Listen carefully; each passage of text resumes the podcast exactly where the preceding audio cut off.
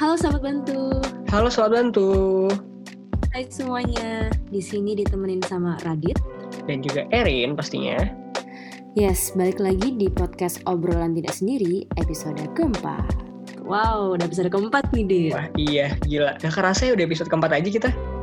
Iya, udah berapa lama Dit ya di sini? Udah bentar ya. Ya kira-kira dua bulan lah ya kita udah menemani saat bantu semua. Kita udah sharing Wow. banyak hal sama narasumber hebat pastinya ya nggak? Yes, bener banget. Dan gimana nih kabarnya? Sehat-sehat ya semuanya? Semoga pada sehat semua ya, Iya sahabat dong, bantu. harus semangat ya walaupun kita masih kayaknya masih harus di rumah aja cuman nggak apa-apa lah kita harus bisa beradaptasi ya nggak? Benar banget. Kalau lu Dit gimana, Dit? Gue Kabarnya gimana, Dit? sehat, Yes. sehat. Alhamdulillah sehat, sehat. Kuliah gimana deh kuliah? Ah kuliah lagi, mau usah ditanya lah. Biarkan itu berlalu lah. kan berlalu ya, bener banget. Iya Oke, jadi di hari ini kita bakal ngobrol-ngobrol lagi nih, Dit. Oh, pasti. Tapi kita mau flashback sedikit ke episode Boleh, minggu boleh, lalu. boleh, boleh. Gimana, gimana? Episode minggu lalu kita dan sekalian sahabat bantu udah ditemenin sama Aisyah dan Theo dan juga dengan Kak Sania ngomongin tentang hidup dengan depresi. Oke, Dan oke, oke, oke. yes, Kalau menurut lo gimana, Rin? Eh, dari kemarin. Kalau menurut gue gila insightful banget ya Dit ya. Menurut gue itu Mhm. insightful banget bisa dengar cerita dari seseorang yang eh, seorang survivor. Rasanya Iya, itu kan bisa dibilang survivor ya.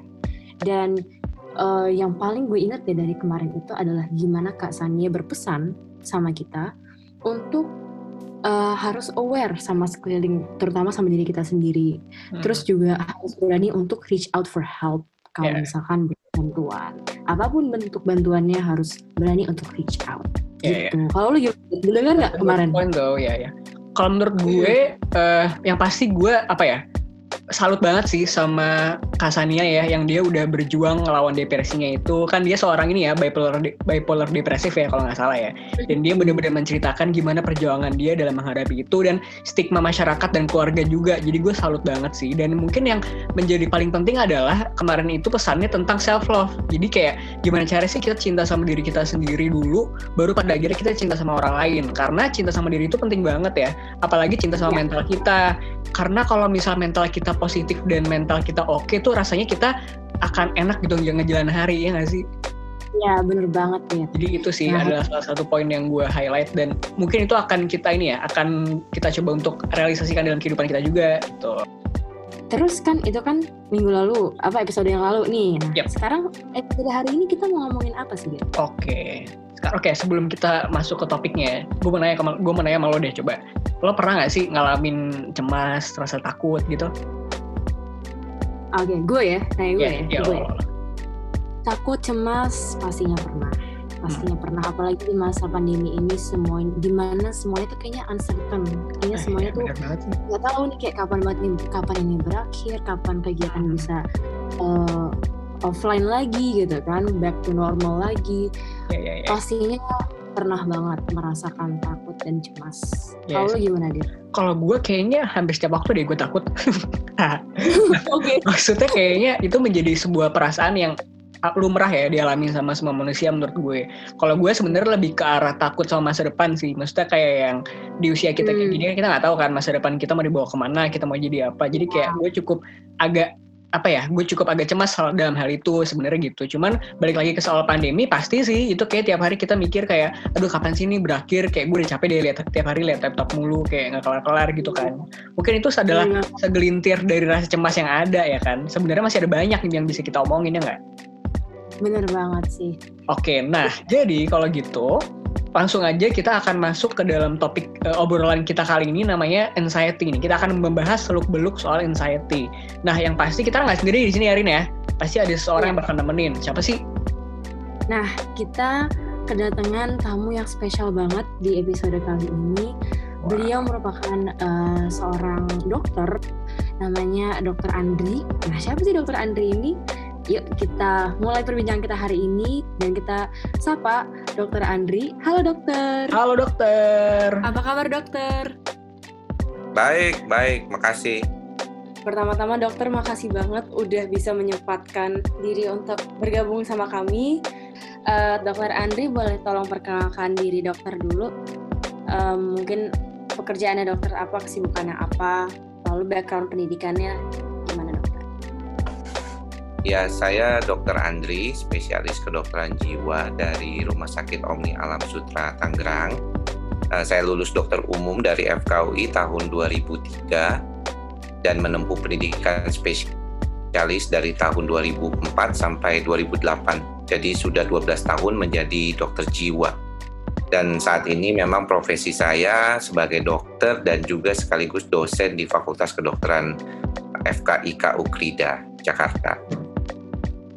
Uh, kalau misalnya menurut dokter ya, uh, kenapa pada akhirnya dokter memutuskan untuk menyuarakan mental health ini? Apa yang membuat dokter kebetulan uh, merasa bahwa kayaknya ini adalah isu yang emang harus disuarakan seperti itu?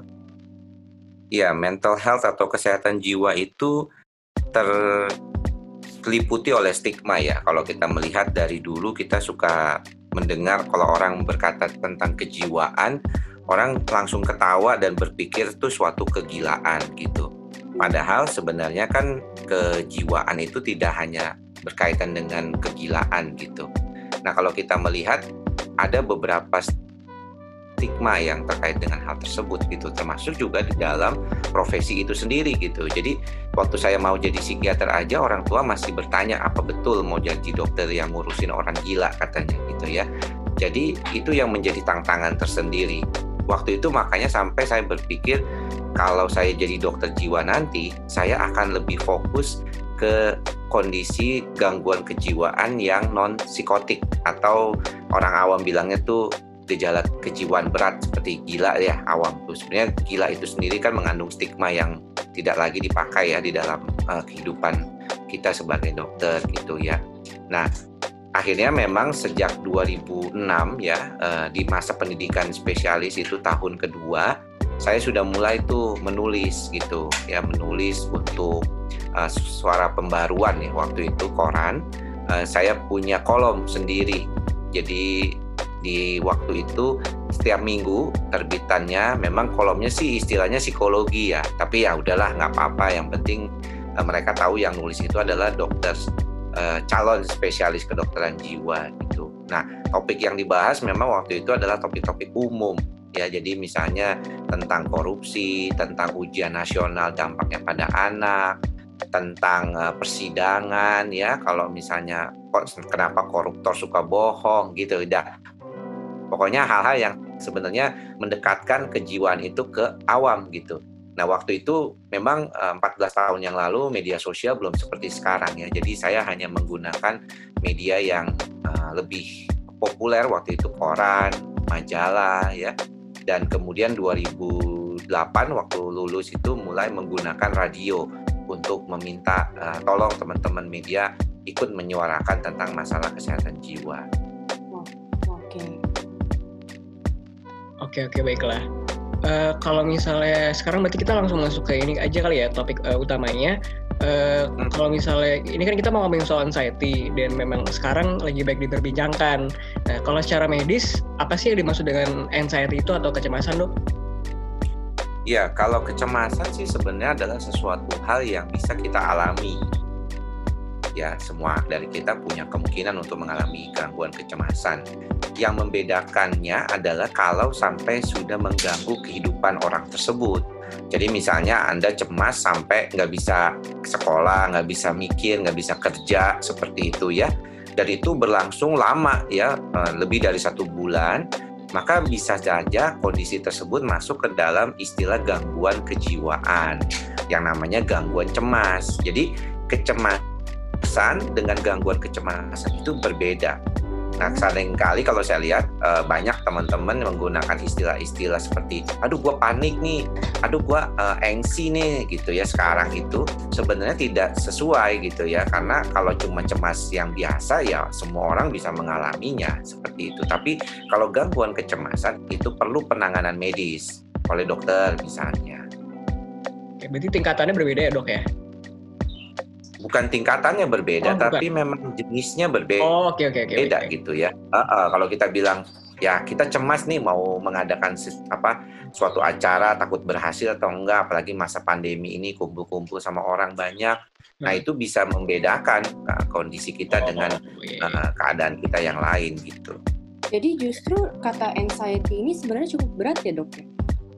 Maksudnya Iya, kecemasan itu sesuatu hal yang sebenarnya kita juga sering salah tangkap ya bahwa yang dimaksud kecemasan itu kan dia irasional ya. Jadi kita melakukan sesuatu hal terus kita takut misalnya. Itu namanya takut. Misalnya kita nih takut sesuatu, takut nyetir mobil, takut berenang, takut kelelep gitu ya atau takut tenggelam gitu. Itu takut kalau cemas itu sesuatu yang nggak jelas gitu objeknya sebenarnya. Jadi istilah asal katanya itu sendiri sebenarnya membedakan antara cemas dan takut.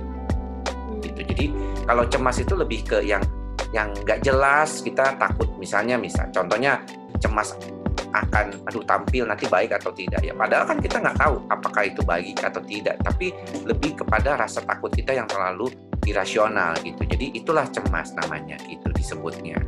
Oh kalau di kalau menurut dokter di Indonesia sendiri ini bagaimana sih perkembangan uh, fenomena anxiety ini pada anak muda? Kalau dilihat memang belakangan ini secara klinis ya, saya nggak tahu penelitiannya belum ada di Indonesia.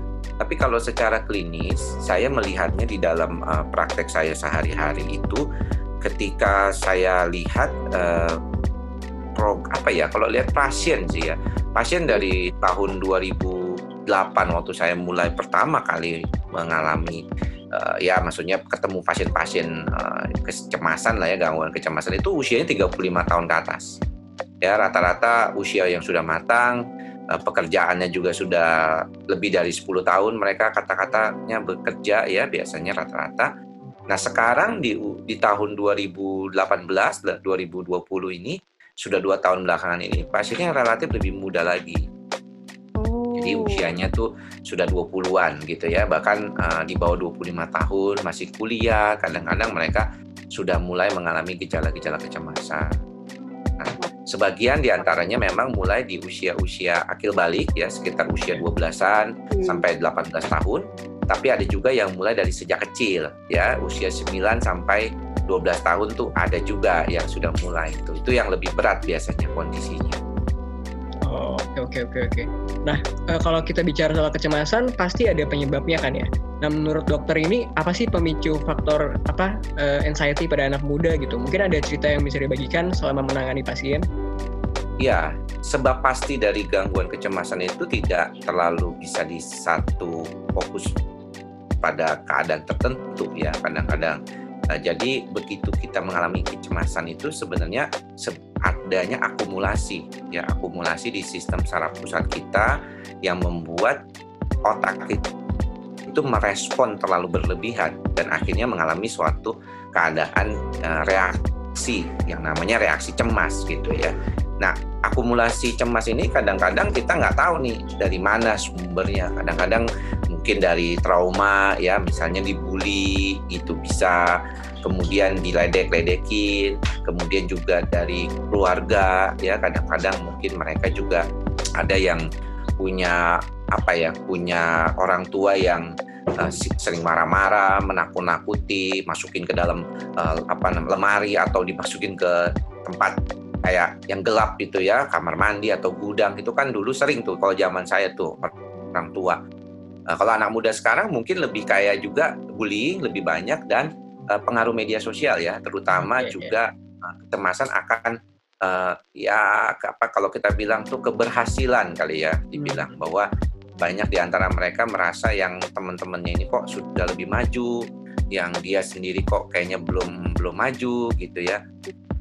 Yang temannya udah punya sesuatu gitu. Dan ini dipicu oleh situasi di mana kita bisa melihat keberhasilan orang itu dari suatu keadaan yang nyata gitu di depan kita yaitu lewat media sosial itu. Sengaja dipertontonkan kan keberhasilan kita kita posting kita ya, uh, ya ya kita udah tahu lah kalian tahu lah Erin sama ya. Raditya kan sudah punya media sosial pasti isinya hmm. ya pencapaian-pencapaian teman-teman. Dan kadang-kadang kita membanding-bandingkan dengan kita gitu kan oh dia udah begini kok gue masih begini begini aja dan itu menimbulkan kecemasan banyak kecemasan anak muda itu dipicu oleh uh, media sosial. Hmm.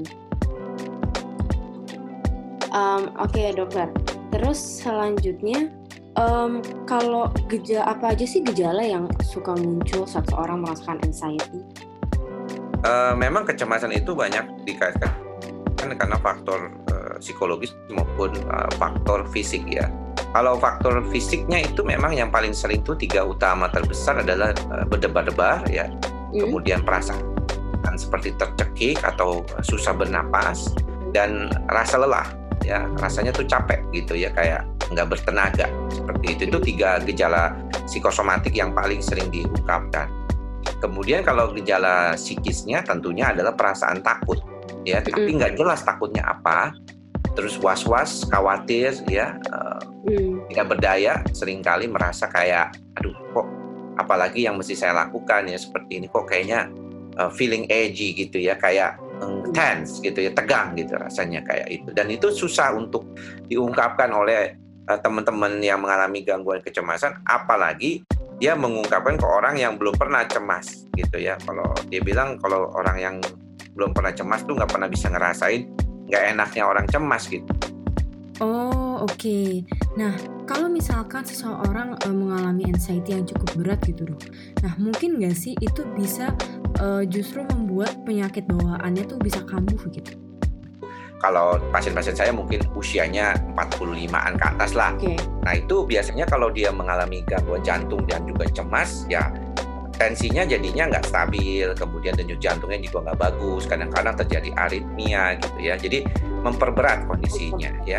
Kedua, apakah misalnya orang cemas ini bisa menjadi gejala-gejala jantung gitu ya, eh, jadi sakit jantung beneran gitu ya.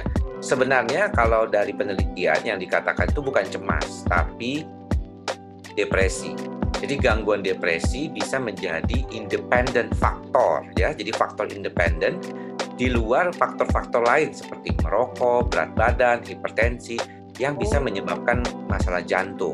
Namun penelitian lebih dalam lagi mengenai hal ini dikaitkan dengan memang dia udah ada faktor genetik dulu ya yang bisa berkembang menjadi masalah jantung ketika orang itu dipicu oleh misalnya peningkatan kolesterol, tingginya hmm. tekanan darah seperti itu ditambah dengan stres. Nah, jadi sebenarnya dia sudah ada bakat, kemudian dikuatkan dengan kondisi-kondisi yang memicu terjadinya uh, gangguan tersebut.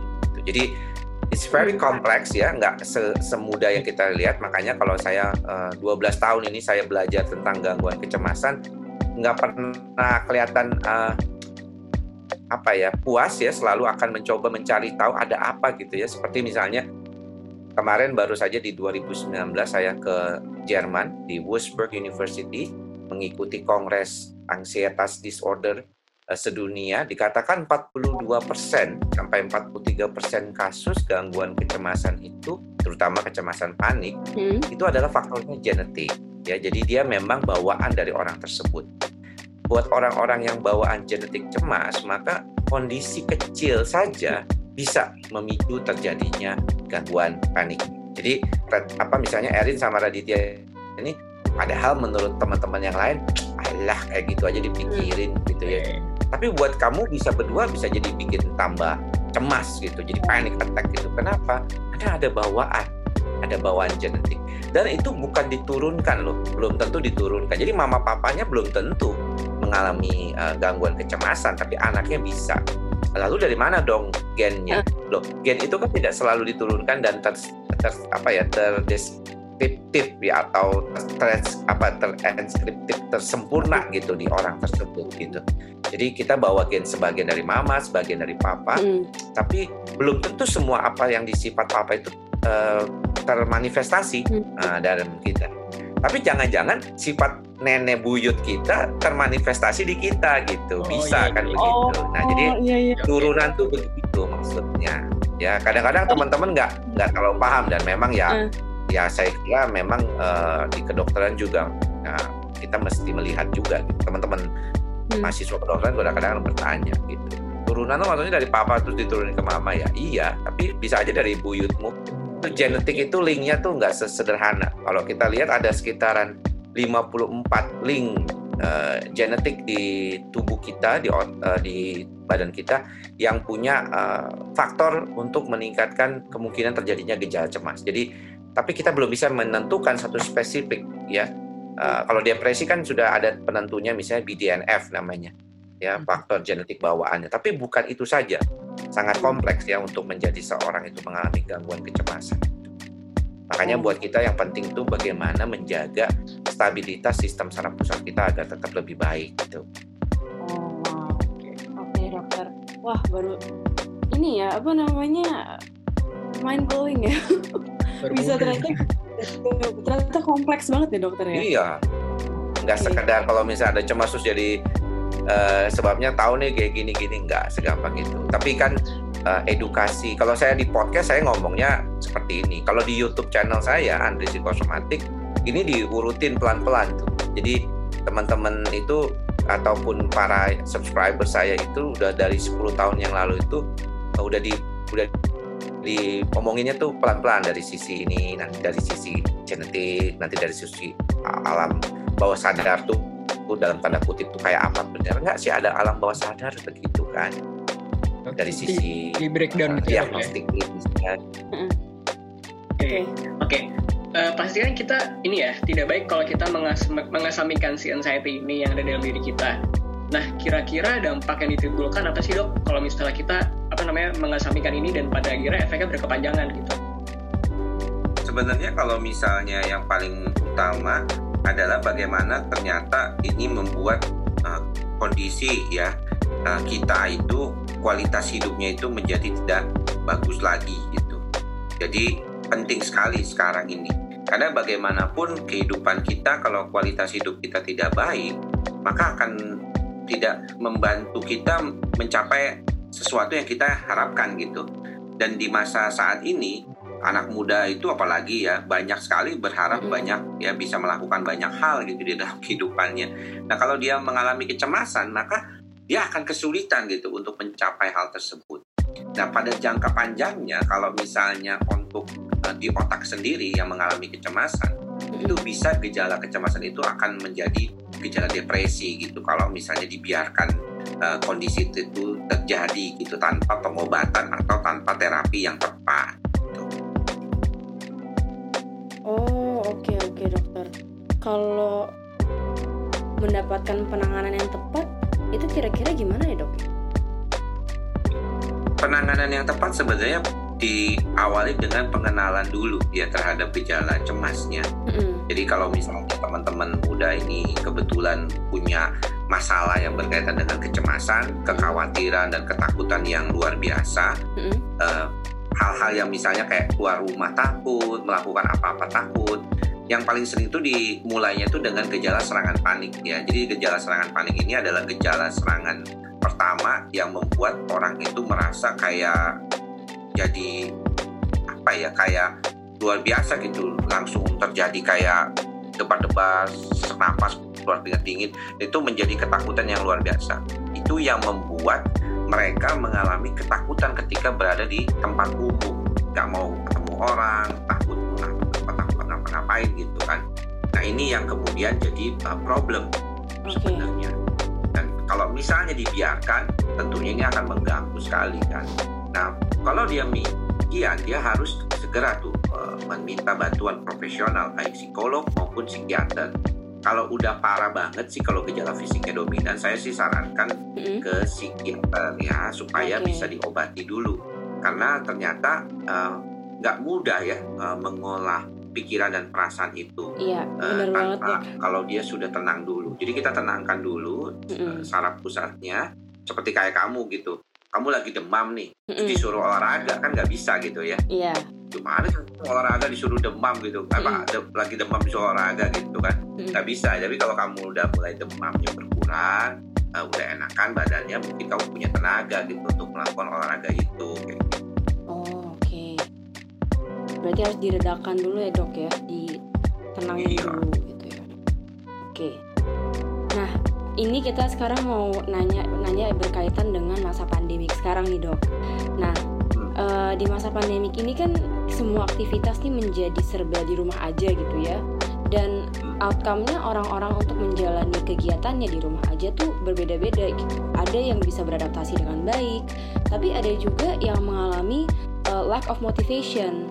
Nah, alhasil banyak dari mereka juga uh, banyak uh, ngelihat apa namanya sosmed, lalu seperti yang tadi uh, dokter sempat singgung di awal banyak yang apa ya kita malah melihat oh orang-orang yang apa dia bisa produktif nih dia bisa ngapa-ngapain nih kok kayaknya kita gini kalau kok kayaknya gue gini aja gitu malah jadi hasilnya tuh kayak bisa membandingkan membandingkan diri kita dengan orang lain gitu.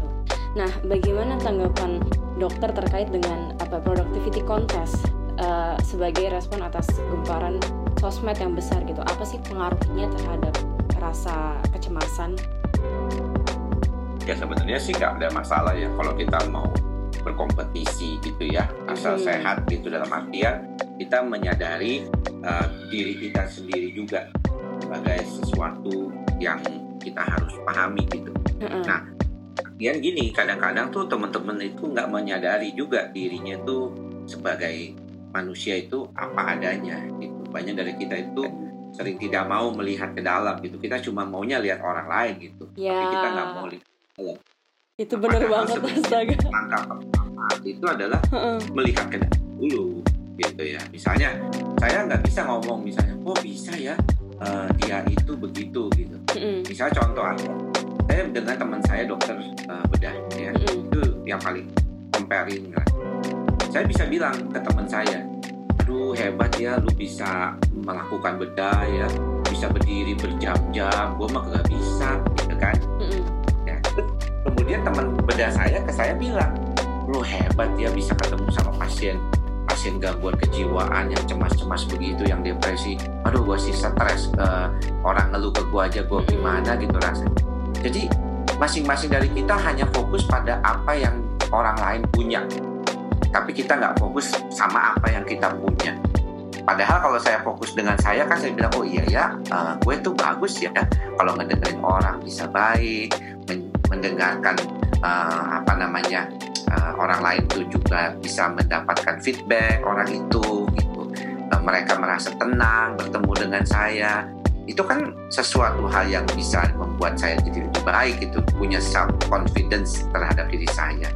Nah begitu juga tadi pertanyaan teman uh, yang lain bilang ya kalau teman-teman itu pada punya sesuatu dan mereka pasang itu di media sosial itu kan haknya mereka, ya kan tapi kan kita tahu bahwa yang dipajang itu adalah sesuatu yang sifatnya itu fragmented ya. Jadi sudah di sudah di apa ya sudah dibuat gitu ya sedemikian rupa kan nggak mungkin hmm. kita lagi buang air mohon maaf ya kita iya. posting gitu yang pasti diposting lagi bagus iya. senyum pemandangan indah gitu ya. ya atau lagi uh, waduh gue lagi hustle work nih lagi lagi lagi kerja uh, sampai di foto lagi ada tiga laptop di depannya gue zoom bareng gitu kan itu kan hmm. sebenarnya bisa aja gitu membuat wah gue cuma satu zoom gue kalah nih gitu ya nggak begitulah nggak mungkin tiga ya aja harus melepas zoom yang satu untuk bisa bicara dengan Erin dan Raditya ya itu hmm. yang yang yang saya perlu perhatikan dan teman-teman juga perhatikan bahwa kita itu punya kelebihan dan kekurangan masing-masing, tidak perlu compare. Lakukan apa yang bisa kita lakukan sampai semaksimal kita bisa. Itu aja. Misalnya saya sebagai dokter jiwa, saya bisa membantu teman-teman uh, di praktek saya sebagai dokter pasien, tapi saya juga bisa mengedukasi lewat uh, media sosial, lewat YouTube channel saya, lewat Instagram, lewat Twitter saya gitu. Lakukanlah seperti itu, bisanya apa gitu. Nggak usah membandingkan misalnya oh saya jadi peneliti misalnya. Saya nggak bisa misalnya saya nggak nggak punya kesempatan untuk melakukan itu. Teman-teman yang bisa lakukan tapi belum tentu yang bisa meneliti bisa melakukan apa yang saya lakukan gitu. Jadi setiap orang punya kemampuan sendiri punya... nah jangan sampai cemas itu menghalangi hmm. ya menghalangi okay. kemampuan potensi yang kita punya itu yang paling penting sebenarnya. Jadi kita harus sadar ya dok ya kalau kita tuh kita punya plus minus sendiri gitu ya. Oh iya. Pasti iya. ya. Pasti. Gak perlu kita bandingkan diri kita sama orang lain. Hmm. Iya. Yeah, yeah. Wow, bener itu bener banget itu setuju banget sama perkataan dokter yang itu. Nah, dengan adanya anxiety ini uh, semua masalah kan apa ya bisa jadi malah numpuk gitu ya dok malah numpuk jadi satu. Dan at the end of the day apabila anxiety itu kita diemin uh, kita tumpuk terus pada akhirnya bisa jadi self blaming kita malah bisa apa ya kecewa dengan diri kita sendiri kenapa sih kita kayak gini gitu? Jadi muncul self loathing gitu. Uh, eh, self loathing itu ya itu tadi keadaan di mana kita sering kali kecewa atau benci dengan diri sendiri. Nah melihat dari fenomena self loathing tadi sebenarnya uh, gimana sih kita bisa meminimalisir itu dan terutama dalam mengolah anxiety ini ya supaya tidak menimbulkan efek yang berkepanjangan gitu. Intinya kan kita ingin bisa berdamai dengan anxiety karena itu pasti dialami semua orang. Jadi gimana caranya kita bisa mengolah itu semua sih dok Iya, yang paling penting tadi kembali lagi eh, nggak uh, perlu yang aneh-aneh uh, apa namanya tipsnya gitu ya. Kembali kepada diri kita gitu ya. Uh, menyadari diri kita apa adanya. Tahu kelemahan dan kelebihan kita. Mencintai diri kita gitu ya. Uh, sebelum kita mencintai orang lain kan cintailah diri kita sendiri gitu. Benar. Karena nanti ketika kita mencintai diri kita sendiri, kita akan menjaganya baik-baik, ya kita akan tidur dengan baik, kita akan makan dengan baik, uh, kita akan mencoba uh, membuat diri kita itu jadi lebih baik gitu ya, beraktivitas dan sebenarnya itu kan standar. Orang itu mengalami kecemasan karena dia banyak memasukkan hal-hal yang negatif ke dalam diri dia, banyak melakukan hal-hal yang sebenarnya mungkin dia tidak suka, dan dia tidak merasakan itu sebagai sesuatu hal yang bisa membuat dia nyaman gitu ya. Tapi dia terpaksa melakukannya. Nah kalau misalnya lingkungannya memaksa dia demikian kita nggak bisa enggak. Memang itu memang berhubungan dengan istilahnya takdir dia gitu ya. Kita kan nggak tahu nih kita dilahirkan dengan kondisi apa dan dengan siapa keluarga kita. Yeah. kalau misalnya kita merasa bahwa hidup ini nggak adil nih ya nggak adil nih ya kalau dia mah hidupnya enak berkecukupan gua mah berkekurangan ya kita nggak bisa tapi dengan apa yang kita punya ya udah Iya. Teman-teman itu kadang mungkin anak-anak muda sekarang yang saya lihat adalah mereka uh, ingin segeranya itu serba instan karena mungkin hidup dan lahir di masa-masa di mana semuanya itu serba cepat. Iya. Ya kan? Sedangkan dulu saya ini udah usia 42 tahun ya. Hmm. Uh, saya terakhir tahun 78 gitu, generasi X di mana waktu itu saya nggak nggak segampang itu gitu mendapatkan sesuatu gitu mau pergi ke mana-mana kalau dulu mau buka peta sekarang Google tinggal Google Maps say to Siri or siapa gitu ya. Hmm. namanya Alexa. Uh, drive me to siapa gitu. Dia langsung hmm. bisa mengarahkan kita dan benar gitu kan. Bisa tahu macet segala macam itu kan hal-hal yang membuat kita jadi merasa wah gue perlu cepet nih. Jadi hmm. kalau nggak mampu nggak bisa gitu. Dan kadang-kadang kita lupa. Gitu. Oke oke oke. Wow. Oke, bener bener. Itu bener banget ya. Jadi mulai dari diri kita sendiri, try to love ourselves, try untuk uh, bisa menerima diri kita sendiri apa adanya gitu dok ya. Dan tentu aja itu pasti ada proses ya. Itu ya seperti tadi dibilang nggak mungkin instan, nggak mungkin langsung. Oh iya gue emang kayak gini gitu. Pasti ada apa ya? Pasti ada naik turunnya yang harus kita rasain dulu untuk bisa lebih mengenal diri kita sendiri gitu ya dok ya. Betul sekali itu awal pertama karena bagaimanapun uh, mesti kita itu belajar untuk mengenal diri kita. Nggak bisa kalau nggak. Kayak latihan beban. Saya tadi pagi latihan beban. Saya udah tahu nih pasti ada yang protes nih kalau saya latihan beban nih ya. Uh, tangannya kurang inilah lurusnya kurang inilah kayak hmm. gitu. Tapi saya tahu kemampuan saya. Kalau saya siku saya itu sejajar hmm. itu saya ada cedera sebenarnya di sebelah kanan saya. Hmm. Jadi saya belajar kalau kalau begitu posisinya gimana nggak masalah. Sementara yang penting naik ke atas gitu. Okay. Tapi dengan posisi yang agak nyamping hmm. gitu. Penting tuh bebannya itu dirasakan otot itu nggak ditonjok gitu tapi diarahkan. Nah, memang kalau sebenarnya bagus ya seperti yang disarankan teman-teman. Nah, itu aja kadang-kadang kan kita nggak tahu ya kan kita sering kali ngomong ke orang kayak gini ternyata teman kita itu ada kekurangannya gitu. Dia nggak bisa menyikapinya seperti itu. Yeah. dari situlah kita bisa belajar bagaimana mengenali diri kita dulu lalu kita mengenali uh, orang lain. Sehingga kalau ditanya begitu saya jauhnya ketawa gitu. Oh iya saya juga tahu saya bilang. Ya yang apa-apa lah yang penting uh, na yang penting naik dulu lah gitu. Ya nah itu kan hal-hal yang yang kalau orang yang cepat tersinggung atau merasa itu dia bilang ah ini orang kok nyalain atau dia merasa tuh kan bener kan gue nggak bagus deh berarti gue salah gitu enggak Mm-mm. gitu. itu yang penting sebenarnya Oke oke. Oke dok, wow banyak banget uh, in, apa insight yang bisa kita ambil ya Dit ya dari Yep, semua penjelasan penjelasan itu.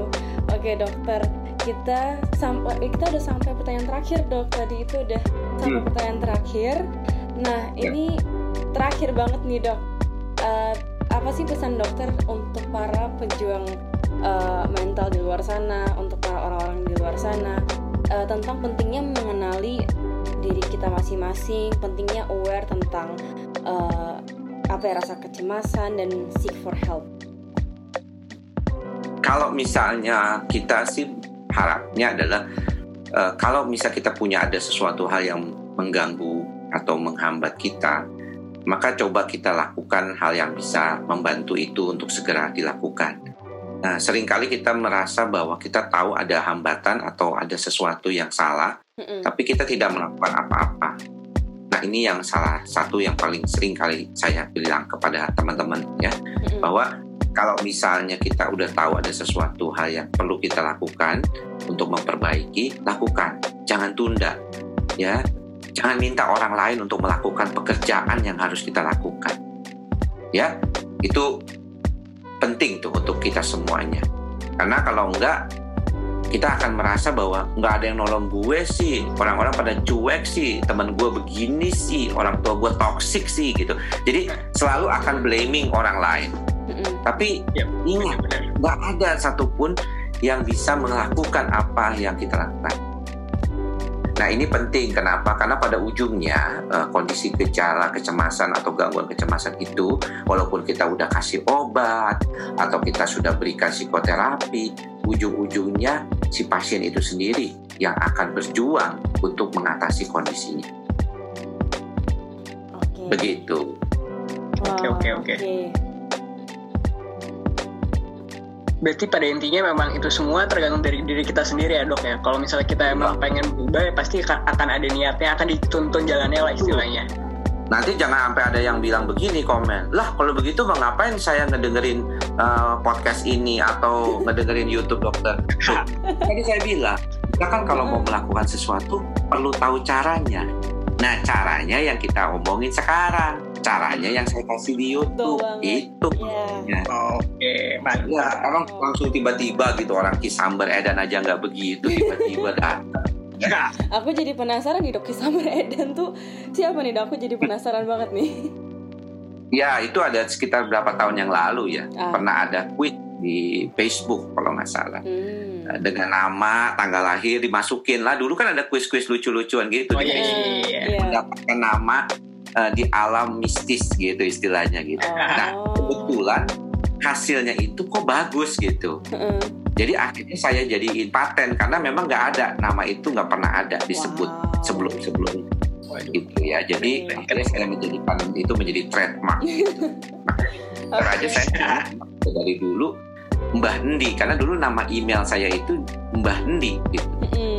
Mbah itu artinya ya kayak dukun karena dulu saya pikir Oke. kalau jadi dokter itu kan uh, traditional Dukun. healer Iya. ya itu mirip Iya, gitu iya, ya Iya, benar banget. gitu Wow. Oke deh dok. Wah ini udah kita sudah mendapatkan siraman rohani yang oke ya pagi ini ya. Keramat rohani. Oke kalau gitu terima kasih banyak dok atas waktunya Ya, sudah mau sama. kita gangguin di tengah kesibukannya. Ya Semoga apa yang kita sampaikan bisa membawa manfaat dan pesan yang positif ya buat orang-orang di luar sana. Mm. Mungkin Ya. dokter bisa share sosial sosial media yang bisa di follow. Mungkin kalau orang-orang mau tahu lebih lanjut atau mau konsultasi gitu dok.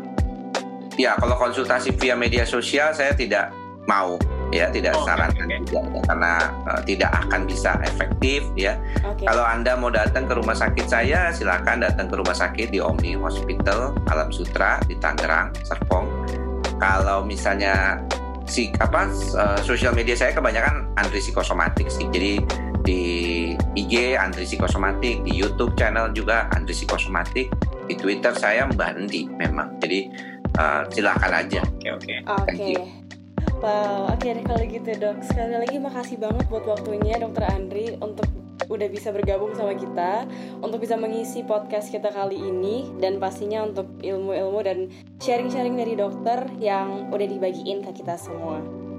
Oke. Okay. ya. Terima kasih dokter. Ya sampai bertemu. Ya sama-sama Erin. Ya.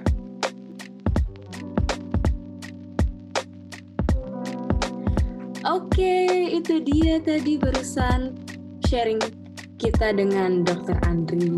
Wow. Ya, bener banget.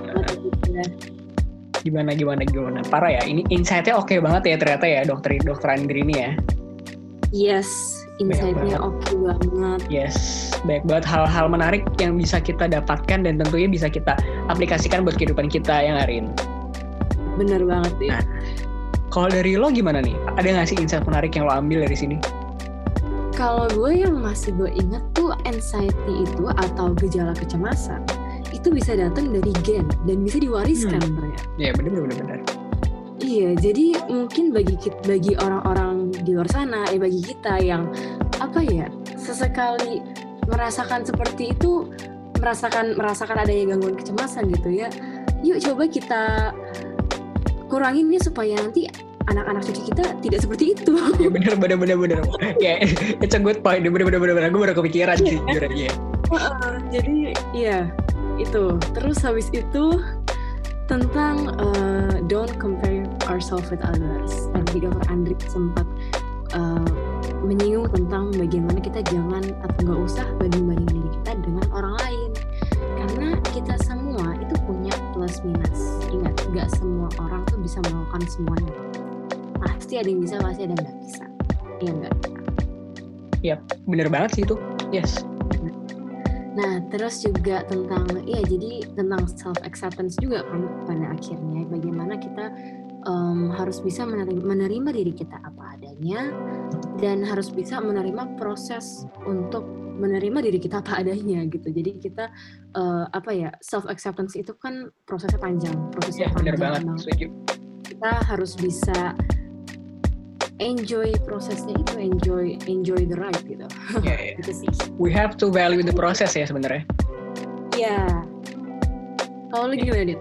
Kalau gue yang pertama uh, gue jadi apa ya tercerahkan banget. Ternyata anxiety ini nggak sekedar cuma cemas atau takut ya. Tapi dampaknya tuh hmm. bisa berkepanjangan banget gitu. Maksudnya kalau kita diemin tuh bisa sampai bener-bener sampai kadang kita nggak pernah tahu gitu dampak terburuknya apa. Jadi kalau hmm. menurut gue ya balik lagi ya kalau kita ngerasa ini ini udah parah banget ya seek for help sih karena itu itu suatu satu cara yang akan menolong kita ya quote and quote gitu. Dan seek for help ini tuh bisa datang dari banyak banget. Kita bisa cari tenaga profesional misalnya yang udah pasti mereka capable banget untuk bantuin kita. Dan yang kedua juga dari lingkungan terdekat sih yang paling penting ya. Jadi we have to find our support system sebenarnya. Baik dari family, friends atau misalnya ya sesama teman-teman yang emang ngerti kondisi kita gitu loh dan yang kedua adalah sebenarnya gini membenci diri sendiri itu wajar ya. Itu adalah sebuah proses yang manusiawi gitu. Cuman kita nggak boleh nih terlalu sama self hater tadi gitu loh. Kita harus terus hmm. maju harus terus bangkit gitu. Karena kalau kita terlarut ya kita akan di situ-situ aja gitu loh. Kita akan stuck nowhere ngerti gak sih? Jadi kayak mending daripada lo membenci diri lo sendiri dan ngerasa lo nggak guna gue yakin kok pasti setiap manusia itu ada gunanya. Jadi kayak jangan pernah jangan pernah merendahkan diri lo sendiri tapi coba deh bangkit dan kita coba istilahnya kalau lo punya niat tuh pasti akan ada jalan ya anjay benar banget eh oke okay. Terus yang terakhir ini yang paling penting adalah yang pasti self discovery ya. Jadi lo harus kenal diri lo sendiri sih. Karena mau gimana pun juga yang bisa ngebantu lo adalah diri lo sendiri gitu gitu. Jadi kayak lo harus kenal diri lo sendiri. Lo harus at least lo harus tahu deh kenapa sih gue kayak gini atau misalnya kayak gimana ya biar gue bahagia gitu. Jadi walaupun ini sebenarnya lifetime proses ya ini akan terus berlangsung. Cuman ketika lo mengenal diri lo sendiri lo akan mendapatkan apa ya self healing yang tepat gitu. Jadi kayak penting banget untuk lo tahu tubuh lo lo tahu mental lo sehingga itu akan membantu lo untuk hidup lebih baik gitu.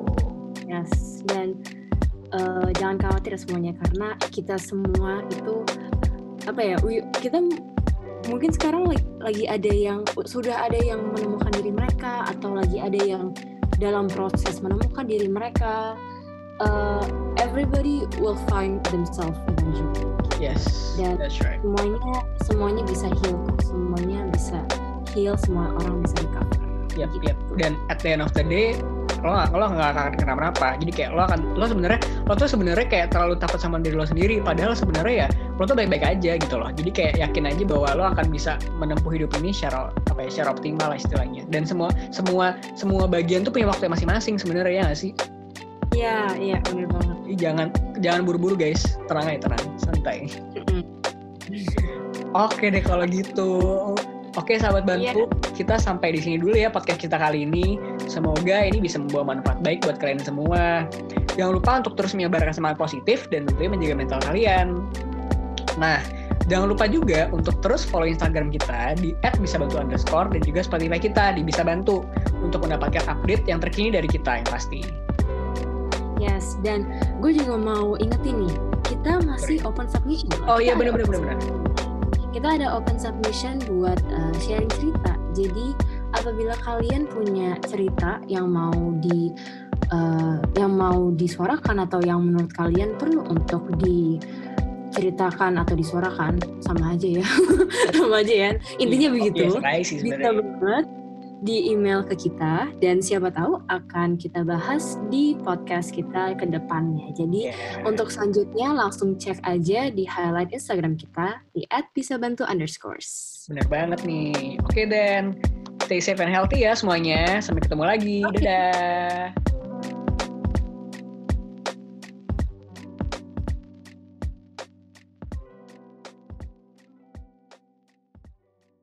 Karena kalian tidak sendiri.